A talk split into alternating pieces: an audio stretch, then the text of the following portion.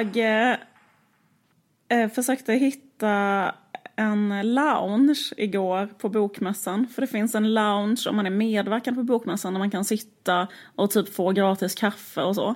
Där det sitter olika liksom, eh, Ebba Witt-Brattström sitter kanske där och eh, eh hon kanske liksom stormar in, in hugger en rap, stormar ut. Verkligen. Eh. Hon har väldigt långa ben. så Hon hovrade precis runt det samtalet jag hade med Vigdis Hjort. Hon liksom hovrar Mm. som en... eh, Ja, men som en piraya runt, helt enkelt. En piraya med långa ben. Det är en halv... Eh, bra. Exakt. Nej men... Ja de, eh, det, det är ehm, eh, det är sån stämning. Men i alla fall, jag försökte hitta den, eh, den loungen och då... Eh, men så, men så hittade jag inte den. Så jag bara typ gick liksom längre och längre upp i de här konstiga mässhallarna och så fick jag för mig att den var eh, en våning upp och så såg jag bara att det var så här vakter och en, en rulltrappa som var avstängd och så. Och så var jag bara så här, nej men eh, och så frågade jag vakterna, ja, men jag ska upp hit, jag ska, jag ska till den här loungen som är här uppe. Och, och de bara, ja, men de, i så fall måste du ta hissen. Och jag bara, okej men ta hissen. Och då var det en kod till hissen. Och, men precis då, för det var liksom inte en allmän hiss utan de måste ta, ha en kod. Och då kom det precis en man med en eh, rull, en sån här silver, eh, en liten rullvagn med typ eh, Eh, vad heter det, frukt och eh, konfekt. Och han var så här skittrevlig eh, och var så här, ja ja men ska du upp? Men då liksom... Ja, Han var, han var liksom inte sån um, otrevlig eh, securityvakt utan det var någon an, en annan, alltså Nej, en han, bättre bara, vakt. han, han var en, nej, han var liksom en eh, människa som eh, kör en fruktvagn. Ja, okej, okej. Eh, så han var inte en vakt utan han var liksom som en servitör typ. Mm. Så han bara, ja men visst du kan åka upp med mig. Och så bara klickade han där och klickade in koden och så åkte vi upp och så kom vi upp till, till en annan våning. Och sen så är det liksom helt sådär, du vet hur det kan vara i sådana konferenslokaler att allting är inklätt i heltäckningsmatta och allting är så här lufttätt, typ som vakuumförpackat typ allting. Så att när man liksom öppnar en dörr så kommer det sånt sug typ för att det var vakuumstängt. Och det, Ja. väggarna är liksom inte gjorda av ett riktigt material känner man utan allt är liksom hopsatt av någonting. Och jag vet inte vad det är men det är liksom inte som ett riktigt hus utan det är typ så här, eh, det är som en barack i, Ja. i, i liksom med, med liksom li, lister av gummi och, eh, och eh, såna här eh, heltäckningsmattor överallt. Så öppnas, öppnar dörren, för då, just det då klickar han in så att vi kan öppna dörren för att han ska rulla in den här lilla vagnen i det här la, loungen som vi tror. Då kommer jag in dit, kommer till ett helt tyst rum, alltså som är dödstyst. Där står det två människor helt så uppsträckta. Alltså två, en otroligt eh, prominent, alltså Sveriges mest kanske, eller en av de mest anlitade bokjournalisterna. Bredvid står en eh, typ eh, en annan kvinna som jag inte känner igen men som är så här fruktansvärt finklädd också, så här otroligt så här liksom, eh, vad heter det, kungligt, eh, adligt finklädd. Båda två typ bara ropar till när jag typ ramlar in där. Och de bara, och det är helt tyst, det är bara de två där. Och de bara, eh, men gud vi trodde att det var prinsessan Madeleine. Så prinsessan Madeleine ska precis komma in här. Eh, och, och då hade de liksom ett, ett, eh, ett hemligt rum. Och de bara, du har kommit förbi sju Säpo-vakter. Det är underbart. Ehm, så att... ehm, eh, det sjuka, och hade jag kommit typ två, tre minuter senare så hade Madeleine varit där. Och, då, och jag hade bara typ kanske ramlat in i Madeleine. Ja, och blivit... Eh, Skjuten av en Säpovakt. och de hade haft rätt. De hade kanske typ som kastat sig på mig Ja. och brottat ner mig, så här, vridit min nacke Ja. typ. Så att jag kanske hade fått en sån här, eh, jag tror inte att jag hade blivit dödad men jag kanske hade fått en sån, du vet, en sån fraktur i nacken som gör att man blir förlamad så att man måste ligga, ha en sån rullstol där man ligger ner. sån, Ja. Där man ligger med en sån rak, men i alla fall. Eh, nej men, uh, hur som helst så, men anledningen till att Madeleine var på bokmässan det är för att hon har gjort en barnbok, visste du det? Eh, jag hade inte den blekaste. Hur har... Hur, why, undrar jag. Eh, det är så att ehm, hon har gjort en bok som heter eh, Stella och hemligheten. Och vet du vad den handlar om? Nej, inte blekast. Den handlar om ett sexuellt övergrepp. Alltså ett barn som blir... Är den självbiografisk? Skojar. Det bara handlar rakt av om så här, hur kungen har typ förgripit sig. Nej, Men grejen att lite undrar man. Alltså, eller förlåt, förlåt, det här är helt... Nej, jag, alltså, nej, man men undrar- vadå, jag har precis pratat med Vigdis Hjort. Hennes bok handlar om ett eh, sexuellt övergrepp. Det första man frågar, är den självbiografisk? Det är valid. Nej. Läser du in? Det kanske Har du, att, har du läst den? jag tycker det är så typiskt bara för att det är en kvinna som har skrivit den. Har alltid tolkat självbiografiskt. Nu tror alla att kungen så här, förgreps av Madeleine. och var lite- Nej, det är ingen som tror det. Men det jag vill komma till är att boken heter Stella och hemligheten. Och vet du vad den handlar om? Den handlar om att Stella har en kompis som heter Elena. Och Elena eh, är nio år. Och rakt av blir utsatt för, för, för en, ett sexuellt övergrepp av sin, vad heter det, styvpappa. Alltså av mammans nya pojkvän. Klassiker. Då är två invändningar mot den här boken. Ett är att jag tycker lite att den uh, shamear oss uh, bonusfamiljer. Ja. Att det hela tiden ska vara det här mammas nya pojkvän och det är inte något bra och sådär. Men det är, det är, den är, ikon, det är ikoniskt. Det är eh, något vi, vi är tvungna att stå ut med att våra familjer skulle vara sämre och vi är fucking trötta på det. Kritik nummer två. Jag tycker det är fel att prata om sexuella övergrepp med barn.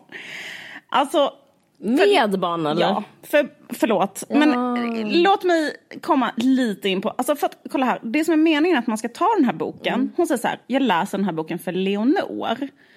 Och tydligen är det, alltså jag vet inte hur gammal Leonora är, men kan ju inte vara, är hon typ sex kanske? Ja, men om du ser på Leonora så har hon faktiskt vuxit upp för snabbt. Alltså hon ser ut som...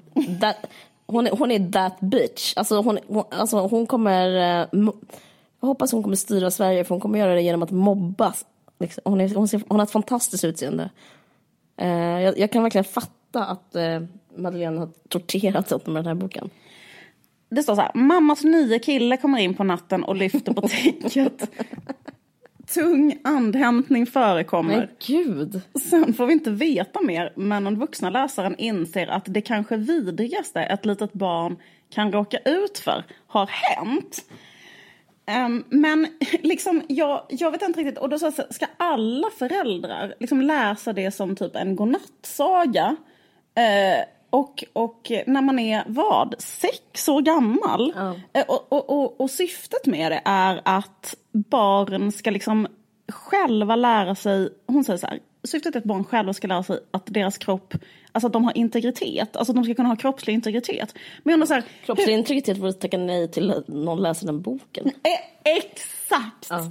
Alltså, det, det jag menar är så här att när ett barn är så litet, faktiskt ända tills det är myndigt, så är det föräldrarnas, eller liksom de ansvariga runt barnet, det är deras ansvar att barnet inte ska bli utsatt för sexuella övergrepp. Det är inte så här, Sjukt att lägga över det. Ja, men exakt. Också så här att barnen, alltså, vad, vad spelar det för roll om barnen har lärt sig eh, vad heter det, integritet ifall nu då mamma blir ihop med en pedofil? Alltså som kommer in på natten. Alltså det, det, det, alltså barnet, eh, skitsamma om barnet så vet att det är fel. Men liksom det kommer ändå inte, alltså. Ja, verkligen. Jag, jag såg en annan Dubbel kampanj. bestraffning, alltså när pedofilen utför sitt brott och man vet att man inte klarar av att säga nej tillräckligt starkt. Men jag vet inte heller så här, när man ska typ så här, introducera så här, den typen av saker eller hur man ska göra det. Men jag antar, eller så jag, jag, jag tänker liksom att det, det, är, så, det är liksom eh, det, det, det kanske är kontroversiellt, men jag, vet inte, jag såg också en sån kampanj som heter så här, Prata om porr med dina barn. Eh, som, som handlar om att så här, man ska prata om att porr finns med barn som är 6-7 Är, år är, gamla. inte, är inte porrfri barndom du pratar om? Jo, Ja, precis. mm. Och då, då, då hade de en sån hashtag som var så här, ha det här samtalet med dina barn. Mm. Och så var det så här, okej men hur ska man prata om att porr, förlåt, alltså, hur ska man prata om att det finns och att det är dåligt med sina barn? Mm? Då ska man inte, då var det så här, men hur ska man använda de orden? För jag, jag upplever det som en form av jättekonstigt övergrepp att en vuxen kommer in, antingen läser en jättekonstig barnbok som handlar om typ en rakt av våldtäkt av en nioåring. Som Madeleine har skrivit. Eh, och och eh, liksom, för grejen också så här att... Nej men Jag- som jag- barn har man ju inte något att säga till om. Jag upplever liksom bara att eh, eh, när, eh, när, jag, någon läser Bröderna Lejonhjärta för mig, att det var ett övergrepp. Alltså, förstår du vad jag menar? Det är, bara, det är så jobbigt att höra om någon som mår dåligt som barn. Man kan inte värja sig. Ja, nej, jag Men liksom, behöver man berätta för barn? För jag tycker också så här, ska man berätta för barn allting, typ så här all skit som finns i hela världen och typ så här, ska man sitta och berätta för barn bara, ja det finns vissa klimatforskare som tror att det finns metanbomber i Arktis. Alltså sådana saker kan man inte heller berätta för barn. Jag har eventuellt fel, men eh, jag vill ändå... jag, jag har en kritik mot det som är att eh, att det kanske är ännu mer kontroversiellt. Men det, det är ju så, alltså det, men jag ser, alltså jag har ju barn i förskolan. S- Ser verkligen barn på så mycket porr? Nej, nej. Men alltså, för det första. Alltså, jag tycker man konfronteras med, jag kommer ihåg att man konfronterades med porr jättemycket. Alltså vi gjorde det när vi var små. Därför att då var det så här att porrtidningar fanns överallt. Typ gick man in på Ica så fanns det så här för typ vaginor. Ja, alltså, jag har jättestarka eh, minnen av liksom sådana runda Ja, eh, bröst som stora basketbollar liksom, som de såg ut på den tiden. Absolut. Och det var ju ofta sådana omslag så att de bara satt så och gr- vad heter det, gränslade med benen. Alltså, eh, Otroligt starka minnen av att se typ en sån rosa, en sån glatt rosa liksom um, triangel. Alltså typ någon, man ser liksom in i köttet Ja. på vaginan. Jag, jag säger vagina nu, jag säger inte vulva. Jag själv skriver en bok om skillnaden, men jag menar vagina. För jag menar så att man ser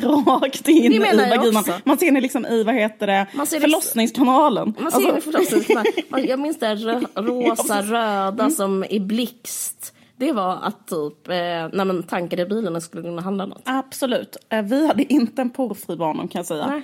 För, för jag minns som så här, min barndom också var så här typ att det, vi växte upp i Skåne och en annan sak som skedde i Skåne eh, hela tiden, speciellt i liksom nordöstra Skåne var ju, och mitten av Skåne, var att det alltid var såna flickmord. Alltså, Helen, Helenmördaren Helen i Yngsjö. var bara en alltså, av många. Eh, det pågick hela tiden att man hittade så lik i typ kanalen i Kristianstad. Kommer du ihåg detta? Förlåt, men alltså, Ja, det var men jag kommer sexmord ihåg på barn eh, på precis utanför, mellan där du bor och Kristianstad Ja. var det liksom en, en 11-åring som bara rakt av Ja. sexmördades. Exakt, och det var liksom, eh, och då fick man hela tiden höra så här. Eh, stanna aldrig, alltså du vet, prata aldrig med typ en äldre man, du får inte åka med någon i bilen, liksom om du står, alltså när du står och väntar på bussen. Alltså, du vet, alltså, det, det, var, det var ju liksom en total eh, förlamande skräck eh, upplevde jag hela min Ja, barndom. verkligen. För alla vuxna, män. Alltså, jag kommer ihåg att jag hade vänner som var så rädda för att pedofiler, alltså när jag var liten, som var så här, de kunde inte gå, alltså vara själva med en man. Till exempel en, eh, en kompis jag hade som spelade saxofon. Och hon behövde vara själv i ett rum med sin saxofonlärare. Och att hon bara fick sån panik så att hon liksom höll på att kvävas det av fick jag också. gråt. Jag fick det av min tvärflöjtslärare som var jättesnäll alltså. Ja, men jag vet, en helt vanlig saxofonlärare. Men grejen är att därför att man var så rädd, och, och jag vet inte heller, jag, jag, jag säger inte vad som är rätt och fel här, men jag säger så att hela min barndom var jag så rädd för pedofiler så att jag var, alltså jag hade, så här, du vet när man är så rädd så att man har eh, kra, alltså vad heter det, så att det verkar i skelettet av ångest. Eh, varje dag, varje kväll, varje morgon, varje gång jag var utan en vuxen, varje gång jag behövde liksom ha kontakt med en man överhuvudtaget. Liksom, minns du detta? Ja absolut, men så är jag fortfarande. Ja, jag vet, jag är också så fortfarande. Men nu är jag i alla fall äldre. Ja men jag... Men hade någon läst den här sagan för mig då? Det är det jag Ja, menar. ja, det har verkligen varit cherry on the top av den totala rädslan. Men När verkligen. jag skulle gå och lägga mig och bara skulle få så här, för jag kommer ihåg Ja, men man visste ju det redan, alltså, man vet ju det redan också. Det räcker. Men jag kommer ihåg att jag var så rädd för sexmord och att en sak som hände var också att Twin Peaks äh, var på tv. Och att då hörde jag bara den här melodin till Twin Peaks och fick så mycket ångest. Det var som att det, alltså bara för att jag skulle aldrig våga kolla på det, jag visste bara vad det var. Men alltså detta handlar också om att jag, att jag, att jag har liksom en gränslösa paranoia för sexmord. Det är som att någon öppnar en avgrund under en, man bara faller handlöst därför att man vet att det finns en oarresterad sexmördare som riktar in sig på små barn som få, fångade in Helen och torterade henne i en stuga och drog av hennes naglar och sådana saker. Och han är inte tagen och han kan vara var som helst i Skåne. Men förstår du, leva? Nej, men förlåt, jag skrattar nu, men alltså. Nej, men det är så men- hemskt. det är så hemskt. Alltså, och, och, och, men, men jag vet inte heller så här eh, hur liksom barn, eller liksom att lämna in barn i det är svårt. Eh, det, det, det, krävs verkligen ett, eh, ett, ett, någon form av liksom geni för att lösa det. Hur ska man så här, hur- ska det så här komma in i barns liv? Eller hur ska barn kunna förhålla sig till det? Hur ska man leva när man är så liten och det är detta som kan hända? Liksom, jag vet inte om, det, det jag funderar på är bara om, liksom, jag vet inte, är Madeleine den personen som kommer att göra det här bättre? Mm. Nej, men jag, för jag skämtar inte när jag säger att jag är rädd för det fortfarande. Jag, vet du vad jag är också rädd för? Nej. att åka, ta, alltså, för alla säger ta en taxi hem. Men då är jag rädd att den taxichauffören men det är också för att om man hör en sån här historia en gång så förstör det ens liv. Mm. För att när jag bodde i Frankrike, i Paris, då var det en taxichaufför som hade riktat in sig på svenska flickor, eller flickor, alltså mm. 23-åringar.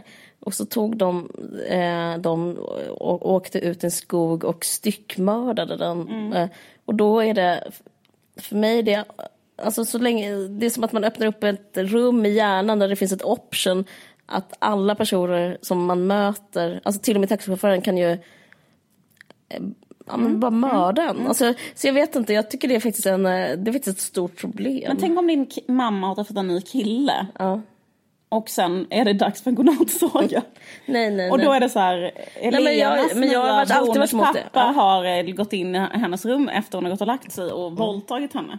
Och så berättar du det för ett barn som ska gå och lägga sig och så är det nio år och pappan, nya pappan är där ute i ett annat rum. Nej, det är helt Alltså jag fattar inte hur det ska gå till. Nej. Alltså hur, hur liksom den, nej jag fattar, liksom hur, liksom jag fattar inte hur man ska använda en sån bok. Eller typ, jag vet inte, jag förstår bara inte det. Nej, inte jag heller. Tänk om det är han som läser godnattsagan. och sen släcker lampan.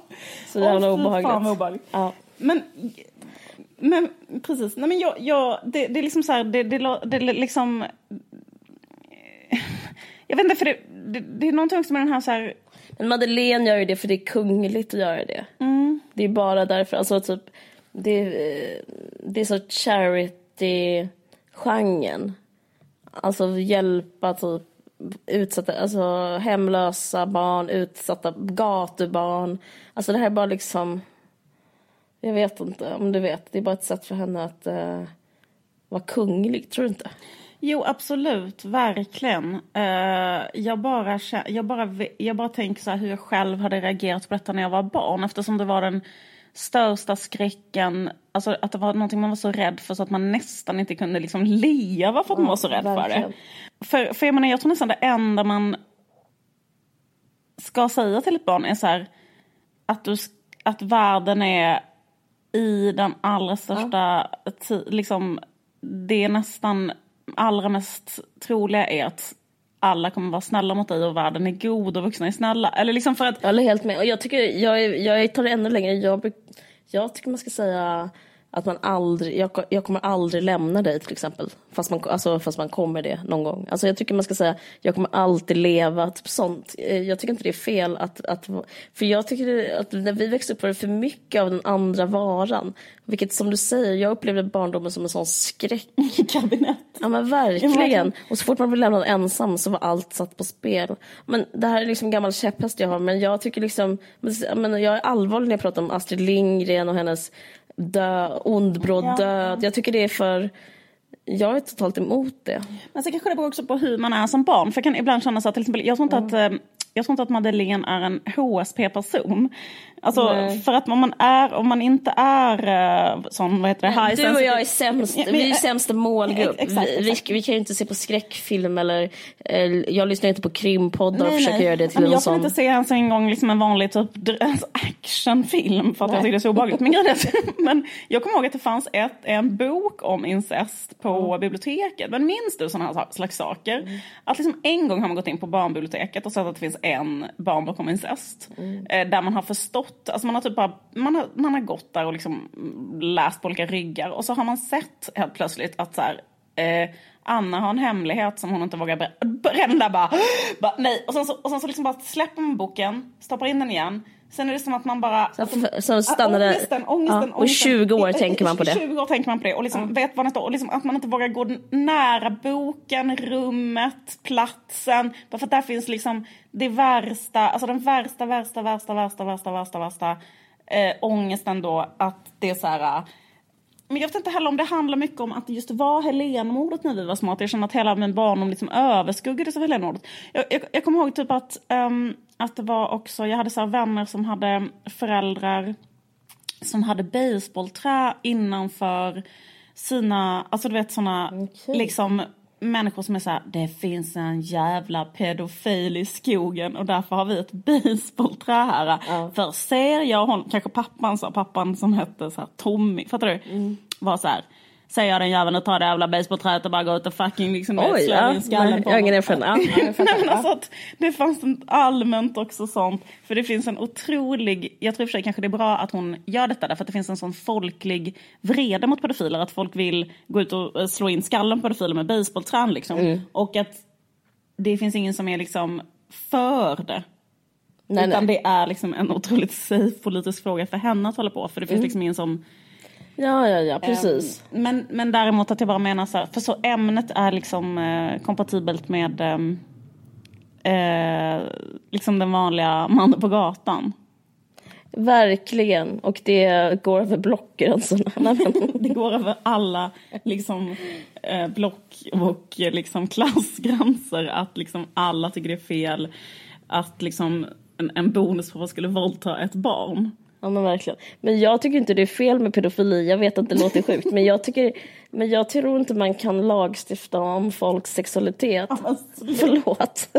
Men jag tycker det är fel att utföra brottet. Men jag tycker det är fel. Jag tycker det är fel slut som folk pratar om hur sjukt det är med pedofiler. Jag tycker inte det ska vara sånt stigma. För att det värsta, de flesta pedofiler de agerar ju inte på det, utan de bara tänkte leva med den idén att tända på barn och aldrig, det är ju ett fan livstrauma.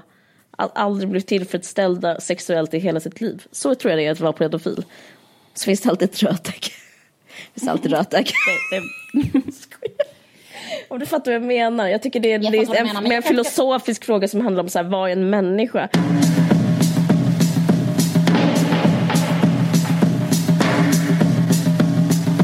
Vi samarbetar med Nextory. wow. Eh, ja, precis. Vi är jätteglada för det. Genuint glada. Superglada. Eh, för att vi älskar böcker och eh, vi hatar att bära. I alla fall jag. Och eh, Nextory är då en tjänst som alla nog vet nu som erbjuder både ljudböcker men också e-böcker.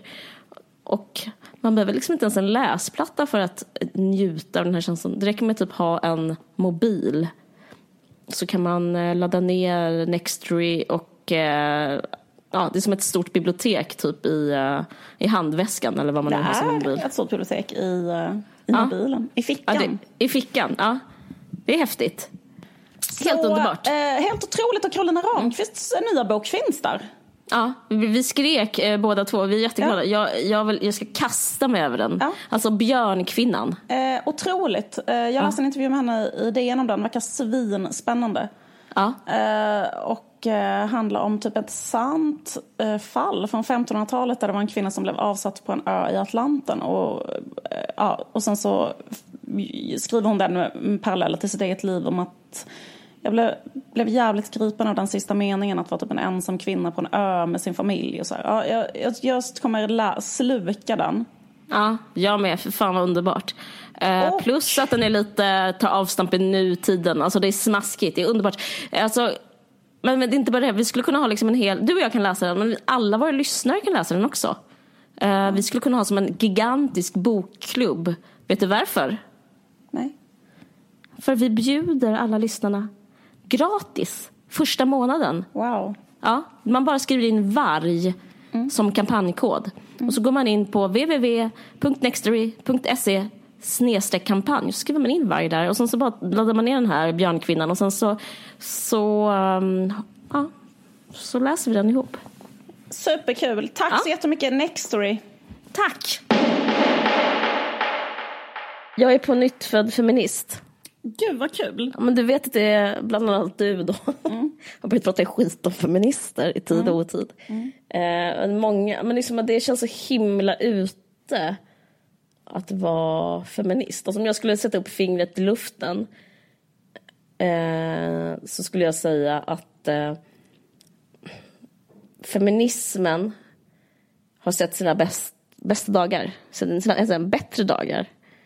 Vet, jag blev så, jag såg de här, eh, det var ju bilder nu, jag vet inte om du missade det för du var på bokmässan, men på eh, klimat... Eh, demonstrationerna, att det var liksom över hela världen och det var väldigt massivt och väldigt underbart. Eh, eh Fridays for Future, hette den så?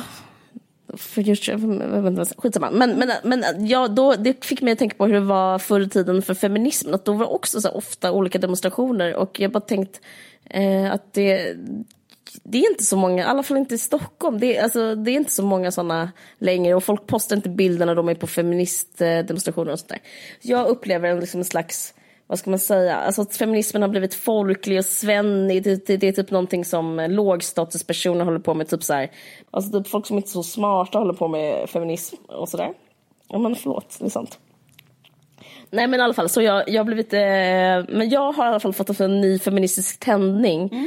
Eh, och det är sjukt att jag kommer att prata om samma sak som jag gjorde förra gången. Nej men jag har tänkt jättemycket vidare på det här med eh, hon Caroline Calloway och liksom vad hon gör. Jag ska inte prata så mycket om henne. Men det som är med henne eh, som, som inte det är liksom inte dokumenterat eller upptaget i någon slags... Det är inte teoretiserat det hon har gjort. Men alltså, alltså den här grejen att... Alltså det finns en kvinnlig egenskap som brukar liksom i filmer och i, i, i böcker, men främst där, typ i maffiafilmer så tillskrivs den män. Och då pratar jag om att vara en hustler. Mm. Men grejen är jag kan inte tänka mig någon kvinnligare egenskap. Och det är det här som har gjort mig till feminist. Alltså, jag, jag har liksom en positiv, jag en positiv optimistisk eh, syn på att kvinnor är så jävla starka. Alltså, och det är någonting som jag verkligen inte känt på jättelänge. Utan jag, jag till och med liksom typ i intervjuer gått och pratat om att jag tycker det är så viktigt att ta fasta på den svaga kvinnan och bla bla bla. Nej men, men jag har fått syn på den här egenskapen, ja men som du själv, du gick förbi sju stycken Securitas-vakter eller vad det var. Mm. Det är någonting som eh, män inte gör, för att de, de kan inte det. Det jag upplever som är liksom typiskt kvinnligt, som man kan ta fasta på, som jag känner igen från mitt eget liv, att man så här, jag vet inte, börjar typ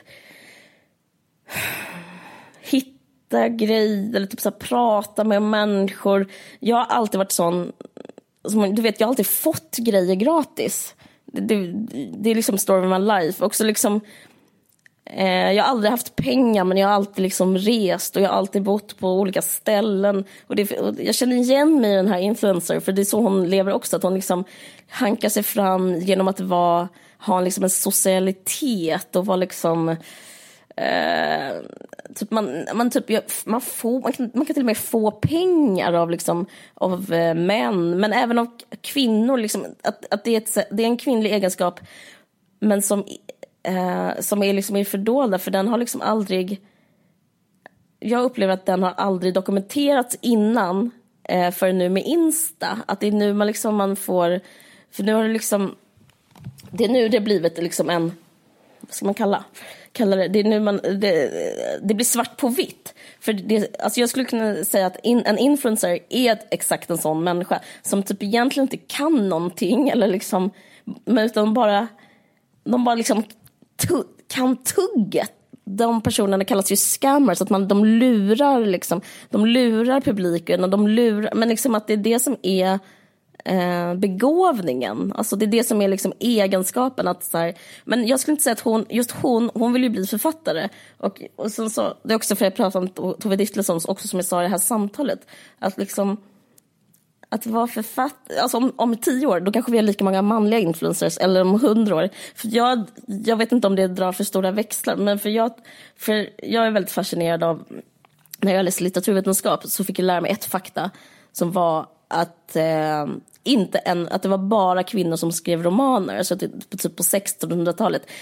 Män skrev typ hjältedikter och sånt där, men kvinnor skrev bara romaner. Och sen så blev det en jättestor boom på 1700-talet med Jane Aust, alltså Austens mm, mm. och eh, Brontes. Mm. Och de liksom höll hela litterära världen, alltså den, de dominerade ja, den.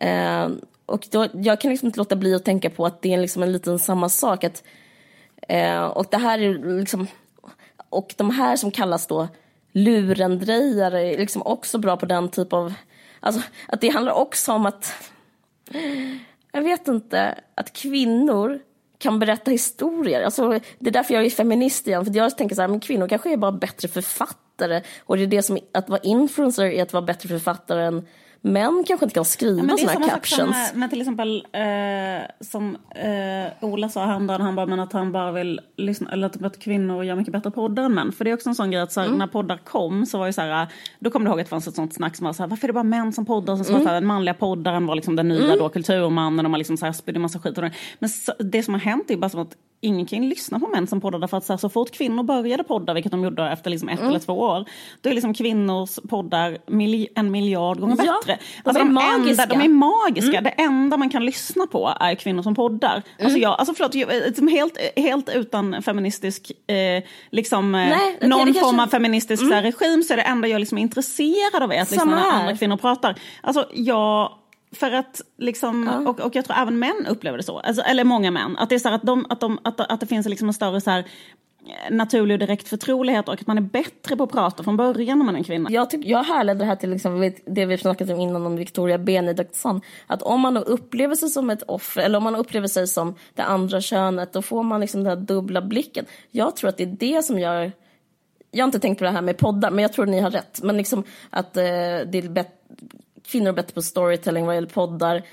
Kvinnor är bättre på romaner. För att man har liksom, man ser allt på något sätt. Och man kan berätta om, om allt. Och, det är så man, och, så, och på det sättet kan man så inom citationstecken då lura alla. Ja, men alltså, jag vet inte, jag tycker det är intressant för det handlar om så här, det får, alltså jag tänker nästan på så här häxeri och typ så här, alltså så här, ja men du vet så här, vadå ordet lura, vad med, alltså det är en person skriver på Insta någonting. Det är liksom bara, det är inte liksom, det är inte häxkonst utan liksom, är, om någon gillar att följa henne så är det ju för att hon skapar någonting. Eh, eh, Men det är som att, och, och så står det alla de här artiklarna om att hon liksom fört folk bakom ljuset. Alltså det, det, det, ja, jag, tror jag, det här tror jag jag sa förra podden, det är ju definitionen av att vara författare. Ja, jag vet inte, jag, jag tycker det är intressant och jag får en slags, jag, vad ska man säga, fått nytt självförtroende som feminist på grund av eh, alla de här influenserna. Nej, men jag tänkte på det med Coco Chanel till exempel, för det var också en sån grej med den där Chanel-dräkten, Mm. att hon tog bara en dräkt som en massa andra kvinnor hade. Alltså menar det du pratar om, alltså typ att så här, Hassla-grejen. Eh, men Hassla grejen, Ja, exakt. För att, fast grejen är att det är inte heller att hassla, för grejen är att så här, är hon begåvning. var så pass bra på att ta på sig den Chanel-dräkten. Alltså förstår du vad jag menar? Och de andra som hade Chanel-dräkten var inte lika bra på att ha på sig den. Förstår du vad jag menar? De var inte lika bra på att liksom Eh, alltså det hon gjorde med sin persona och sitt varumärke och det hon kunde vibrera ut genom sig själv var det som gjorde att den dräkten blev populär. Liksom, och då kan man inte heller säga så här, ja det var någon annan som typ så här Alltså det är samma grej med Calvin Calloway. Alltså jag menar Mm. om hon den här Natalie Beach. Eh, det spelar liksom ingen roll. För det, är så här, det var inte du som, alltså, eller liksom, Verkligen. liksom så. Men, Men- men, sen, ja. men sen så, Och det är samma egenskap som till exempel att slippa tänka, jag bara tänker som scen, polisen stannar ens bil och så här, hur var det här då typ? Och så, please officer, typ, kan jag få-" det är liksom ett sätt att ta sig vidare i livet som ger mig hopp liksom. jag, jag, Att smita böter, det har hänt mig tusen gånger. Snacka sig ur böter. Ja, det är det, det, är det jag menar i alla fall. just det. Fast jag vet inte om det är samma sak. Jo men någonstans handlar det om romankonsten också. Luras. Ah, ja. Men, Ja men absolut. Jag, ehm, jag har också, också tänkt vidare på det här med Mm. Calloway och eh, Natalie Beach för att jag läste hennes, det hade inte jag gjort eh, när, vi snackade. första Nej. gången. Ja, precis. För jag tycker det, det var någonting som var intressant liksom att de hade liksom en sån vänskap där den ena var, alltså den ena kände sig underlägsen den andra. Och då, sådana människor är alltid de farligaste. Sådana människor är ju alltid, alltså det är alltid så de här, har entitlement. Ja. Och de människorna eh, är ju som typ i alla så här superhjältefilmer så är det alltid så här att den här eh, skurken har, eh, är en sån person som har varit avundsjuk eller velat bli någonting. Och hon är ju exakt som så här eh, pingvinen typ i Batman som så här, eh, jag var ful och nu har jag byggt ett så här bo i kloakerna och titta på mig nu. Nu kommer jag upp igen men jag är fortfarande eh, helt besatt av Batman och jag liksom hela mitt liv går ut på Batman fortfarande att förstöra Batman. Hon är liksom exakt likadan. Verkligen. Ja men verkligen on point. Verkligen. ja verkligen. Men i själva verket så är det liksom hennes eget fel att hon är så besatt av Caroline Calloway? Ja. ja. För att liksom hade hon, alltså, eller jag menar bara att, att liksom den där hierarkin mellan dem är ju påhittad av henne själv. Alltså jag menar, eller hon känner sig så dålig jämfört med den andra. Ja, men precis. Men jag tycker det finns någonting som metagrej. Alltså det är intressant att vi nu, jag bara vet du, hylla mig själv för det var jag som gjorde det. Nej, men det är intressant att vi nu pratar om det här i, näst, i en vecka till och att alla pratar om det. Men jag tycker det finns en metagrej i artikeln som är att hon också har en agens. Hon som sa jag var utsatt för Carolines agens. Hennes agens bryter genom barriärer av liksom eh, vad som anses egentligen intressant och vad som egentligen borde vara viralt. Hon bara pratar om en vänskap. Jag bara menar hennes sätt att formulera sig. Eh, jag, jag tycker även Natalie Beach är en intressant spelare och också bara en variant av Caroline Calloway. Också en person som eh, börjar beskriva sin omgivning. Alltså de gör samma sak båda två. Och liksom egentligen så har hon också, hon har ju klassiska författarattribut. Hon har ju pingvinattribut. Men hon, har hon är bra på att skriva tycker jag. För ja. jag tycker den var bra skriven, hennes text. Ja men det, det är precis, det finns ju liksom ett sån, en sån dimension också att det är väldigt bra text och bra språk och bra, en bra story som också jag vet inte, det är som att eh, det, det är väl, jag, tror, jag, undrar varför folk är så jävla fascinerande, men det är någonting med det där eh, att bara liksom formulera sig kring saker som är så jävla, jag, jag vet inte. Det, det, det är intressant när hon beskriver vänskapen, tycker jag.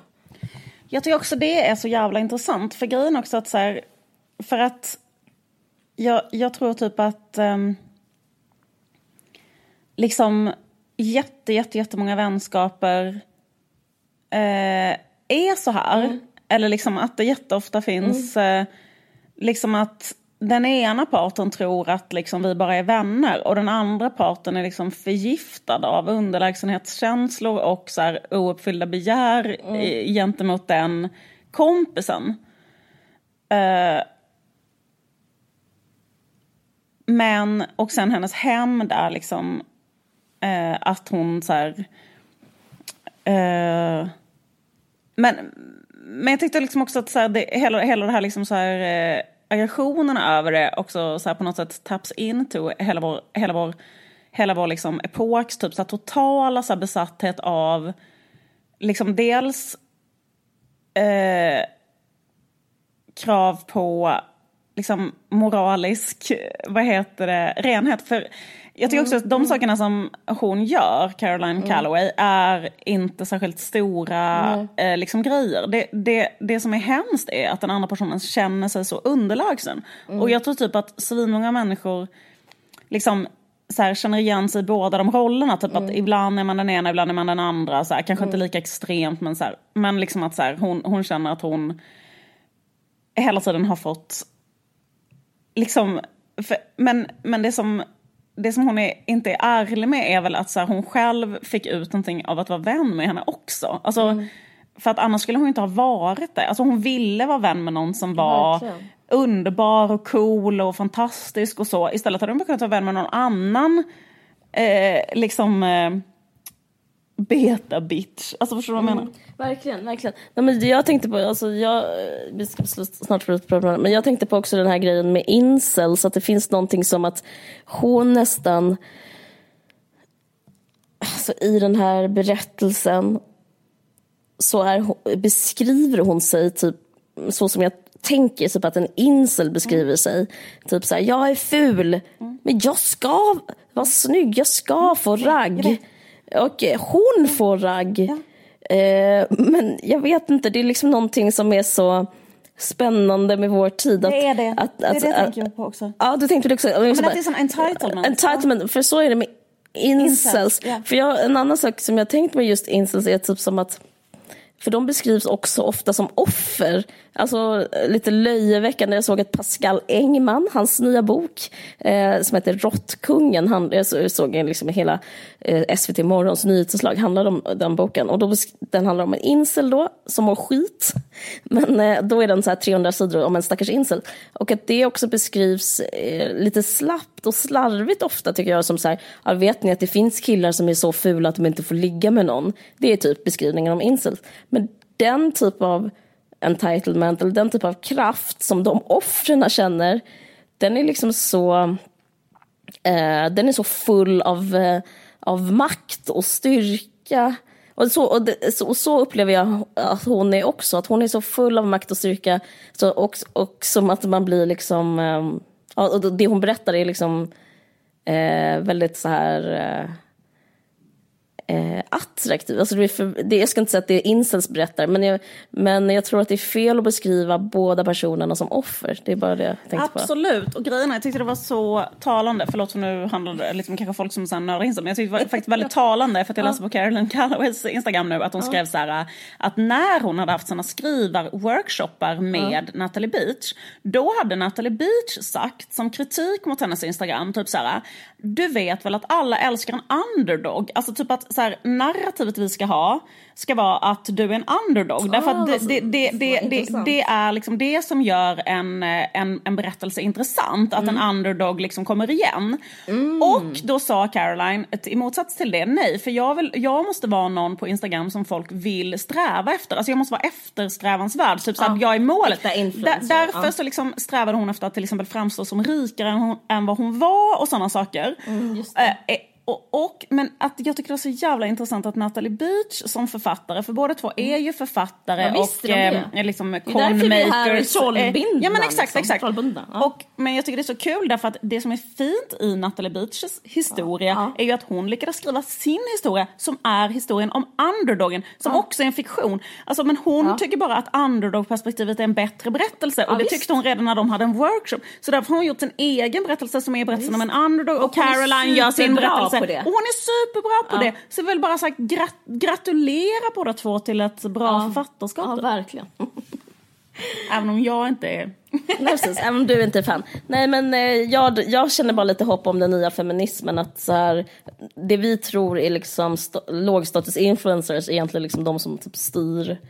Alltså, jag vet inte världen, inte världen men jag fick bara, det, fin, det, det, det, full, det finns liksom, det vibrerar av agens där ute eller vad man ska säga. Men också får jag säga att ja. um, det är the one percent som styr världen och de är män. Tro inte på henne.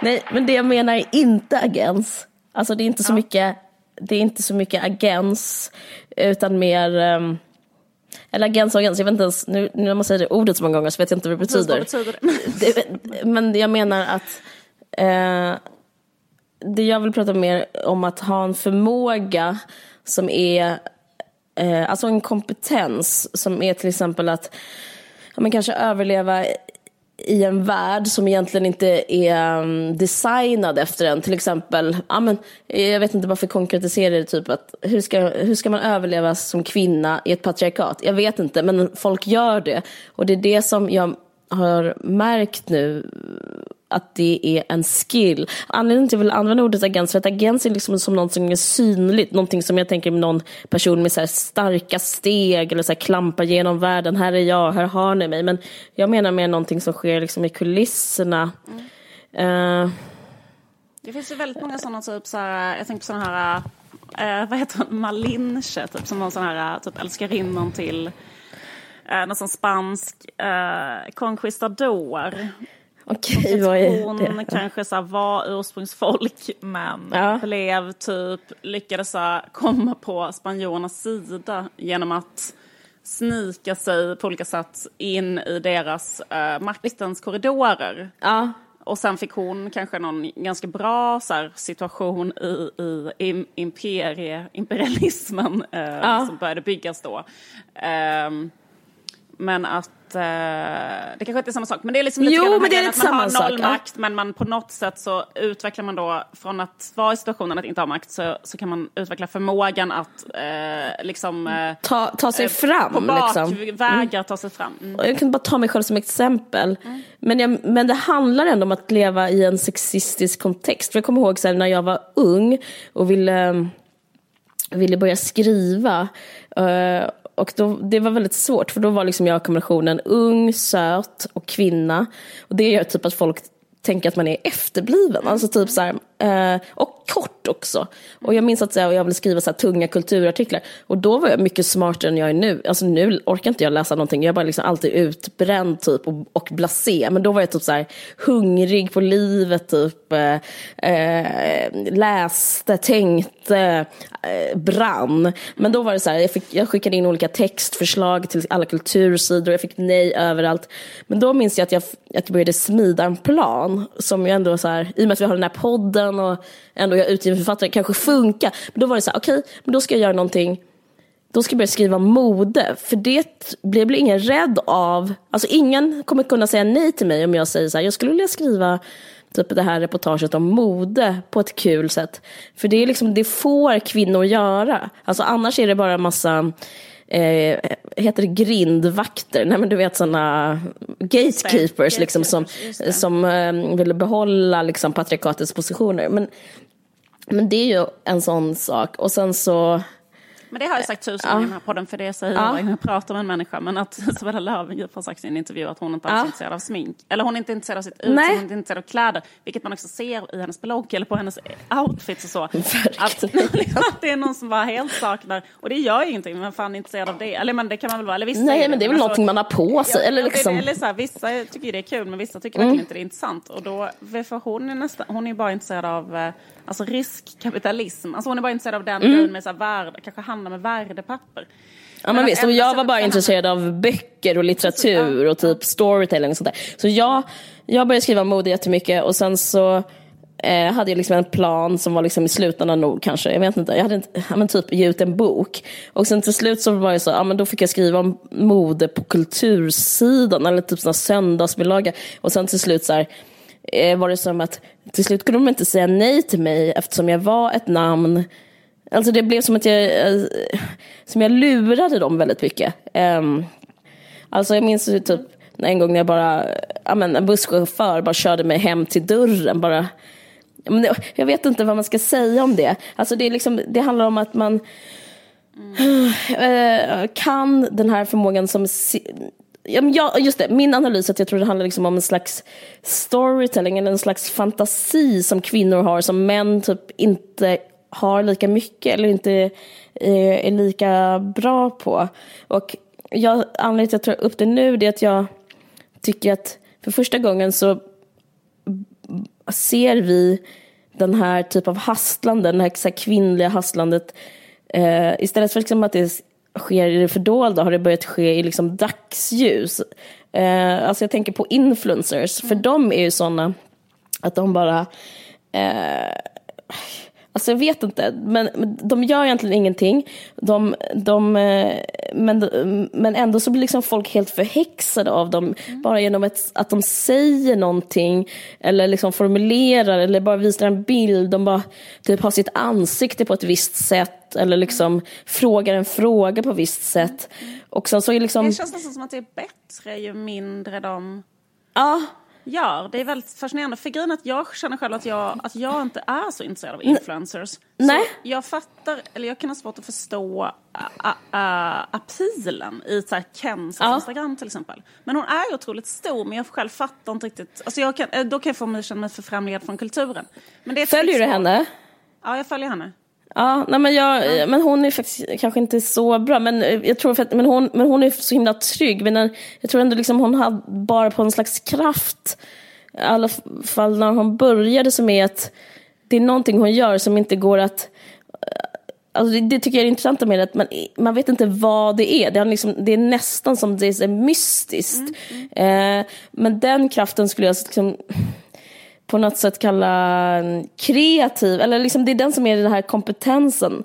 Alltså, eh, Vänta vad jag ska... Och, och jag tänker, det påminner lite om det som Lena Dunham skrev om, uh, du kommer ihåg där? Sunshine Stealers, alltså så här, nej, att man... Ja, att man det igen. Ja. Ja, men typ så att det var, hon beskrev hur det var att komma till Hollywood. Då var det, eller typ bara att man möter med olika människor som som vill så här eh, kapitalisera, för det är det som också händer. Alltså, eh, det är bara kvinnor som har den här kraften, men, men män har förmågan att kunna så här, se vem som har den och se typ, hur man ska tjäna pengar på den. Och, eh, och då är det typ så här, ja, men kanske någon corporate person som vill liksom ta ens idéer, ta ens hjärna och göra liksom, göra, ja men typ tjäna på den. Och hon kallar dem sunshine stealers. Men ehm, men jag tycker det är intressant med kallar- mycket att, att för att hon var en kvinna typ, eller för att hon har så här, någonting som... Ja, men det är väl lite så här som kanske du har väl också lite erfarenheten av att så här... Ja, men jag vet inte att folk så här, gärna har, inom media och sånt, förlåt, men alltså så att de kanske gärna vill att ta, äta lunch med dig så är det liksom för att, varför då? Ja, för de vill bara kunna en gång prata med någon som inte har en bostadsrätt typ, eller de vill bara, alltså då, eller så, att liksom Ja. i en viss här, mediaklass så liksom är alla så himla lika varandra och de pratar bara om så här, såna jävla eh, eh, topplån och liksom allting sånt där och att det då kommer in typ så här, en ung kvinna och har en annan typ av energi eller så än en sån eh, 50-årig man. Då Ja. liksom eh, vill de så här, vad heter det, eh, eh, tap into den energin eller liksom suga Verkligen. ut den som man suger saven ur en björk. Så är det verkligen. Och det är, konstigt, det är liksom en slags synergi mellan de här döda människorna, döda gamla männen och unga liksom, fattiga kvinnorna. Alltså jag, jag typ upplever min ungdom väldigt mycket som att så här, jag åt på Sturehof men jag hade ingenstans att bo. Typ så var det jättemycket. Att man, eh, men det var liksom ett sätt att liksom ta sig ta sig vidare. Alltså, jag, alltså det som det är var det med Caroline Calloway, men också det som fick mig att tänka på det var att jag läste, jag hade det föredraget på om Tove Ditlevsen. Eh, hon eh, vi har tjatat jättemycket på, inte på henne, men om henne i En varg söker sin podd. Hon är den där författaren som skrev boken Gift bland annat. Ehm, och hon hade också samma eh, typ av eh, impact på liksom hela Danmark. Alltså det, jag läste någonstans att det stod det stod om henne, det, det, fan, jag minns inte vad det var nu, men det stod om henne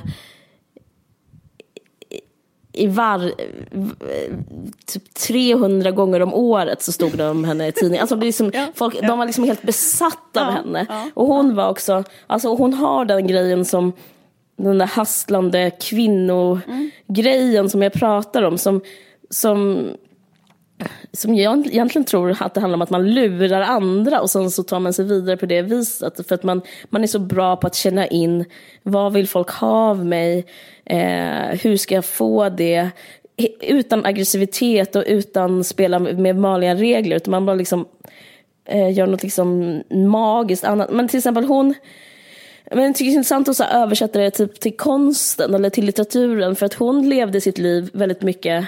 Hon skrev eh, väldigt självbiografiska böcker, hon utelämnade alla sina män, hon utelämnade att hon var pundare och, och sen blev hon ren, alla rapporter, allt sånt där. Men, hon, men det hon gjorde också när hon inte skrev var att som att hennes liv använde hon eh, på samma sätt. Alltså som att det som inte var litteratur, alltså hennes liv blir litteratur men hennes litteratur blir också liv. Till exempel, ja, men som jag pratade om på det där föredraget, så bytte hon födelsedatum. Alltså istället för att säga att hon föddes 1917 så sa att hon föddes 1918 i Köpenhamn. För då var det som att hon, för hon debuterade då eh, med en diktsamling när hon var 19. Alltså som att hennes, då blev liksom hennes liv också en, ett narrativ om liksom den unga fattiga arbetartjejen som gifte sig med en 30-årig man och sen så debuterar som 19-åring. Alltså, och då är det som att och sen dess var liksom folk, alltså, alltså hon, man kan inte underskatta liksom hennes kändisskap. Ja, men som Vedis Hjortsson, liksom när hon dog, då liksom fylldes hela, hela Danmark och hela Västerbro med, bara, med kvinnor som liksom marscherade till hennes ära. Alltså det är liksom helt... Jag var så otroligt älskad. Ja. Ja, hon var så otroligt älskad och, liksom, och inte bara hennes böcker utan liksom även hennes liv. Men jag vet inte. Jag tror bara Men att det är liksom... jag, Ja, jag, säg. jag fattar vad du menar, men, men, men tänker du liksom så här, för att vi har pratat om henne innan och då Ja. pratade du om så här, hur hon blir så här, jävligt så här, ägd av män hela sitt liv på ett sätt. Ja, Hon träffar ja. typ aldrig någon annan kvinna, hon är liksom, Ja. eh, kort recap, att hon är, eh, miss, vad heter det, beroende av en drog till exempel, som en läkare som hon är ihop med ger henne och på Ja. det sättet fortsätter vara ihop med henne. Och, så och eh, massa annat som är i den ballparken liksom, och hon är liksom väldigt ägd av en, en jättepatriarkal struktur. och Så, men menar du Mm. Det- att hon liksom på riktigt Ja. eh, får en makt eh, Nej, genom nej. sitt hasslande? Nej. Nej, jag menar mer karriärmässigt. Alltså jag tror att hon fortfarande var så otroligt förtryckt av män. Och jag tycker det här liksom ett, på ett sätt är det ett bevis på att vi lever i ett patriarkat. För man hade inte behövt hassla om man inte var förtryckt. Alltså förtryck, eh, hasslande, eh, vänta, för, hasslandet förutsätter förtrycket. Eh, förstår vad jag menar? Så att jag tycker, alltså hon mådde ju skit. Hon, hon begick ju självmord och eh, var pillermissbrukare. Men, men varför var hon bäst i Danmark på att skriva? Alltså varför är Caroline Calloway, varför trollbinde hon en miljon läsare? Varför eh, ser vi på den jättejobbiga, störiga, tjocka Dunham?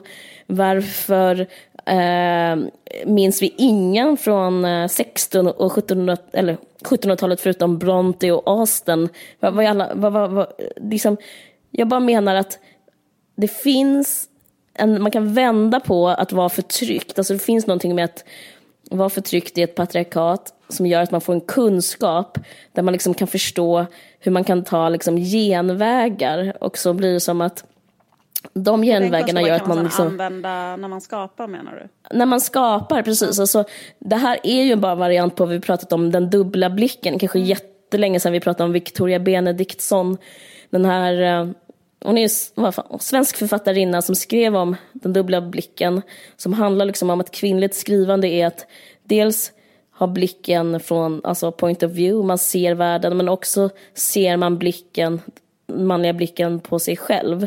Och det gör ju att man får en slags kunskap om världen som en person som bara traskar omkring och lallar omkring i den med bara en blick, den liksom suveräna blicken inifrån och ut så att säga, det saknar. Och jag tror att eh, influencers, författare, eh, alltså det är liksom det, det, det, alltså att hasslande eller liksom skammande, eller det har liksom blivit, varit en våg, jag pratade om det i förra avsnittet, av så här, olika kvinnor som anses liksom vara bedragerskor.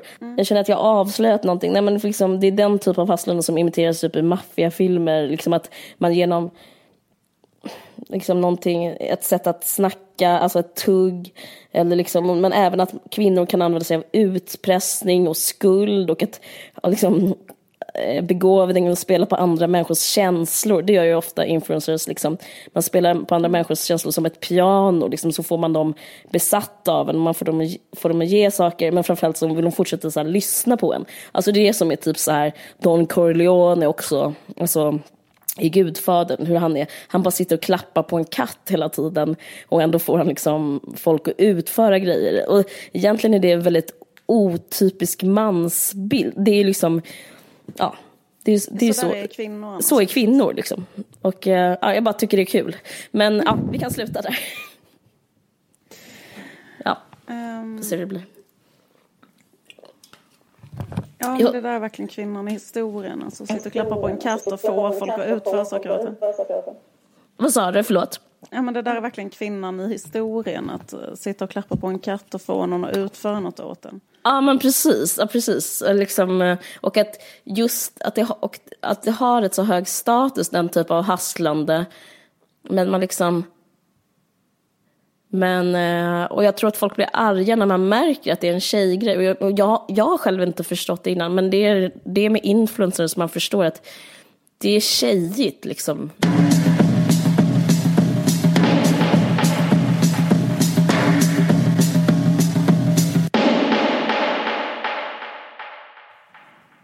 Jag håller ju på med att jag ska göra en liten eh, otroligt exklusiv eh, turné Mm.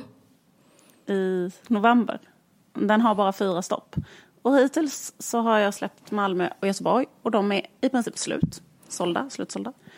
Helt coolt.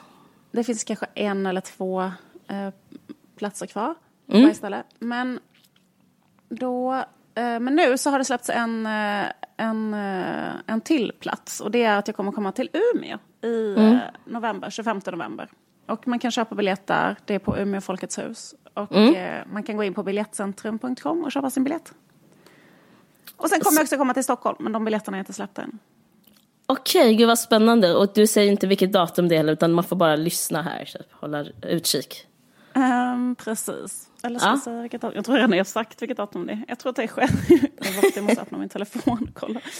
Uh, jo men det är i Stockholm. Jag kommer släppa dem. Jag kan säga faktiskt att jag kommer släppa biljetterna till Stockholm på måndag. Gud vad spännande. Det är eh, den 6 november. Så eh, underbart. Det, Och det kanske kommer en liten gäst till Stockholm också. Då vet man alla vem som kan dyka upp där. Nej, för spännande. Ja, jag ska definitivt gå dit. Kommer du ihåg eh, att det går en underbar pjäs på Folkteatern i Göteborg? Ja, Nakna som foster och gudar. Handla, handlar om Karin Boye och hennes tjej. Alltså, Hade hon en när vi- tjej, frågar man sig. Eller hur? Precis när vi gick eh, till hotellet så såg Ja. vi ett litet sällskap som la här ner en blomsterkrans vid Karin Boyes staty. Mm. Eh, så det finns väl många Karin Boye-heads out there. Men det finns det verkligen. Du och jag. och vi har eh, pu- publicerat på vår sida på Facebook, en Varje sak sin podds Facebook-sida, eh, en länk där man, som man kan följa. Och så klickar man i så får man eh, rabatt. Och eh, rätt så tilltagen rabatt. Så att, eh, ja, och den här pjäsen har fått otroliga recensioner. Så egentligen, jag behöver kanske inte ens göra reklam. Det är bara att gå in och Jag köpa en biljett. det. Jag har också hört alltså, att snacket går. Ja, att folk eh, har varit och kollat på den och tycker den är skitbra och eh, tänker gå dit etc. Så att, eh, det är bara att eh, liksom, följa strömmen tror jag dit. Ja men verkligen. Vi träffade ju en ung människa i Göteborg som inte skulle gå ut och festa för han hellre skulle gå och se på den där pjäsen. Bara en sån Just sak. det. En Sinnessjukt. snygg person. Ja, Precis. det här är sant. Okej, men eh, se den och gå in på vår En varje sak sin poddsida så är det bara att följa länken. Tack så mycket Göteborg Folkteater.